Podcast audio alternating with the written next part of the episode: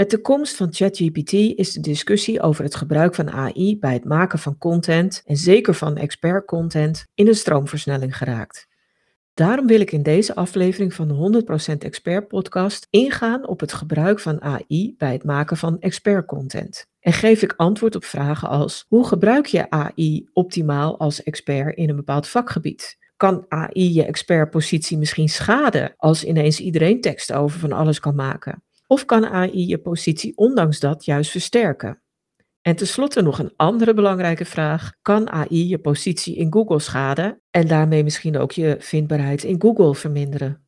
Mijn naam is Linda Krijns en als contentstratege help ik kennisprofessionals en bedrijven om hun expertise beter vindbaar en zichtbaar te maken.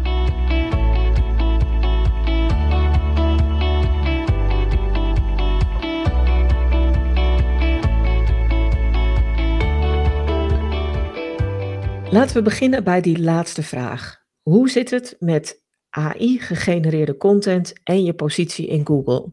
Er wordt vaak gezegd dat content die door AI gemaakt is, door Google wordt bestraft met een lage positie, of soms helemaal niet zichtbaar is in de zoekresultaten. Nou, dat is gelukkig niet waar. En Google heeft daar zelf begin februari van dit jaar nog een handig artikel aan gewijd, waar ik ook naar verwijs in de notities bij deze podcast. Google stelt heel duidelijk dat het gebruik van AI je positie in Google niet schaadt. Maar Google stelt daar wel een belangrijke eis aan AI-content tegenover. En het mooie is dat dat eigenlijk meteen je sleutel is tot hoe je AI ook kan inzetten. Want wat zegt Google daarover? Eigenlijk geeft het aan dat het prima is als je AI-tools gebruikt bij het maken van content.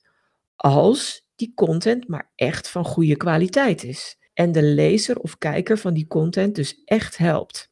En dan zijn we eigenlijk weer terug bij de regel die altijd al telde bij het maken van effectieve en vindbare content. Maak iets waar iemand echt iets aan heeft. Of dat nou om informatie gaat, inspiratie of om entertainende content. En bied daarin, als het even kan, jouw specifieke inzichten, data en voorbeelden om je punt te illustreren. Dat betekent dat Google jouw content in feite net zo beoordeelt als de doelgroep voor wie je het maakt. Dus als je kwaliteit nastreeft voor je lezer, dan zal dat voor het algoritme ook het gewenste positieve signaal opleveren. Als je AI dan wil inzetten om de kwaliteit van je content te vergroten en verder te verbeteren, dan kun je naar een paar dingen kijken. Allereerst kun je de structuur checken, maar je kunt ook checken op volledigheid. En je kunt checken op vindbaarheid en of je, wel, of je content wel voldoende geoptimaliseerd is om straks goed gevonden te worden.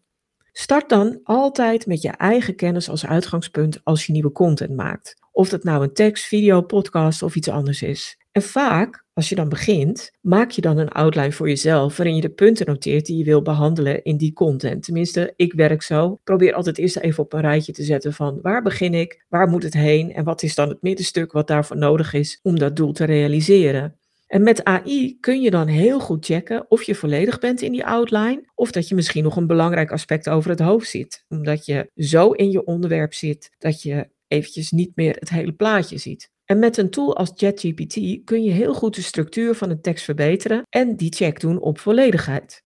Vraag ChatGPT dan om zelf een artikel te schrijven en geef de punten uit je outline als input. En vraag vervolgens of de tool die verder aan kan vullen.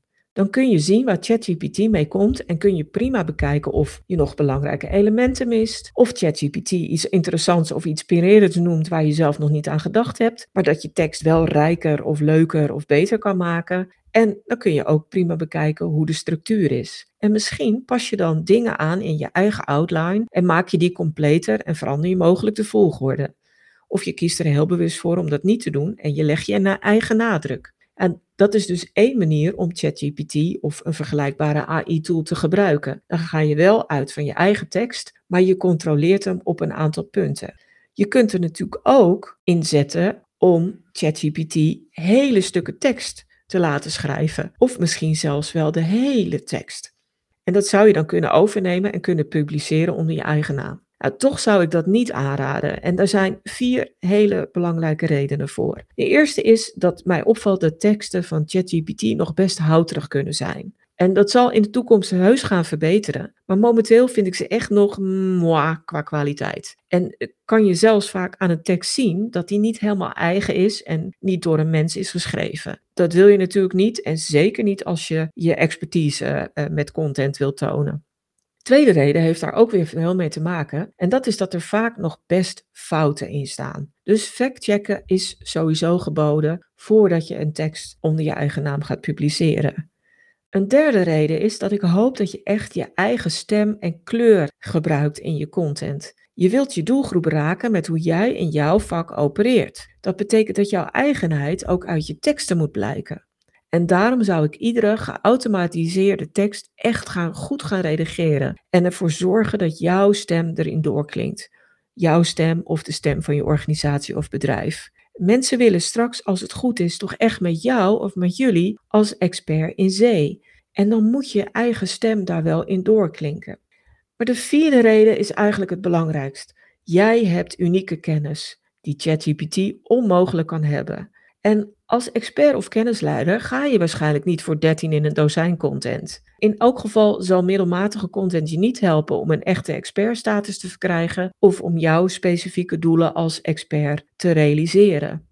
En voeg daarom jouw eigen unieke inzichten, mening en data toe en verrijk je content met voorbeelden en cases uit jouw praktijk. Die zijn uniek en laten zien wat jij echt kunt betekenen voor een ander.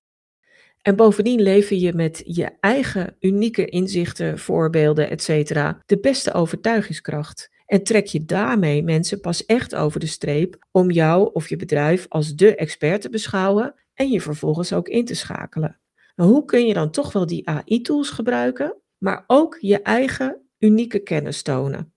En dat vraagt in feite om een eigen insteek bij nieuwe content, waarbij je bijvoorbeeld één of meer van de volgende elementen toevoegt of zo'n element als kern van je nieuwe content maakt.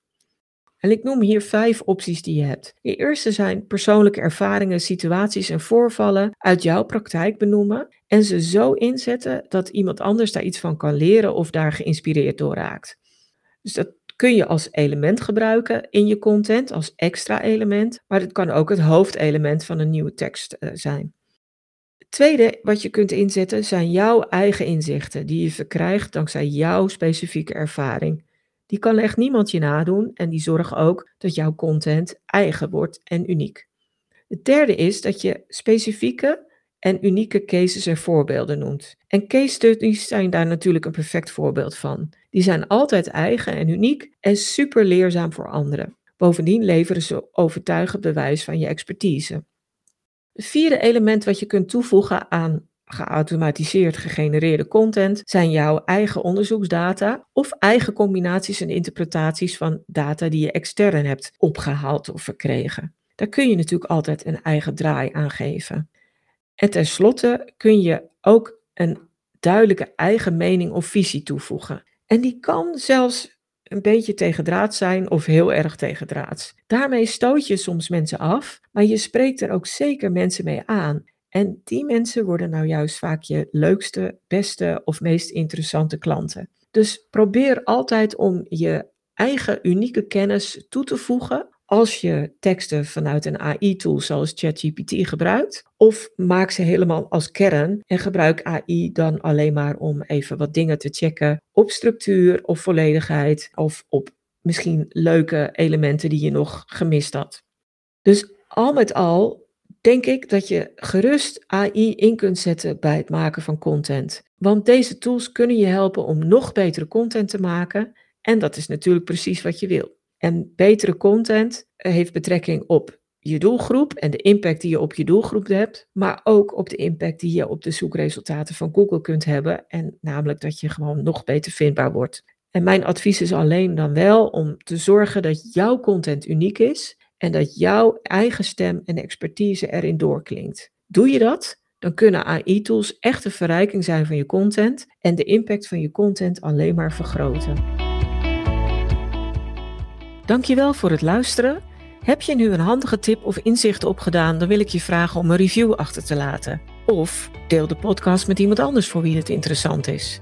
En wil je meer weten? Op mijn website vind je een gratis kennisbank met checklists, tools, video's en stappenplannen over content, content marketing, maar vooral over het zichtbaar en vindbaar maken van je expertise.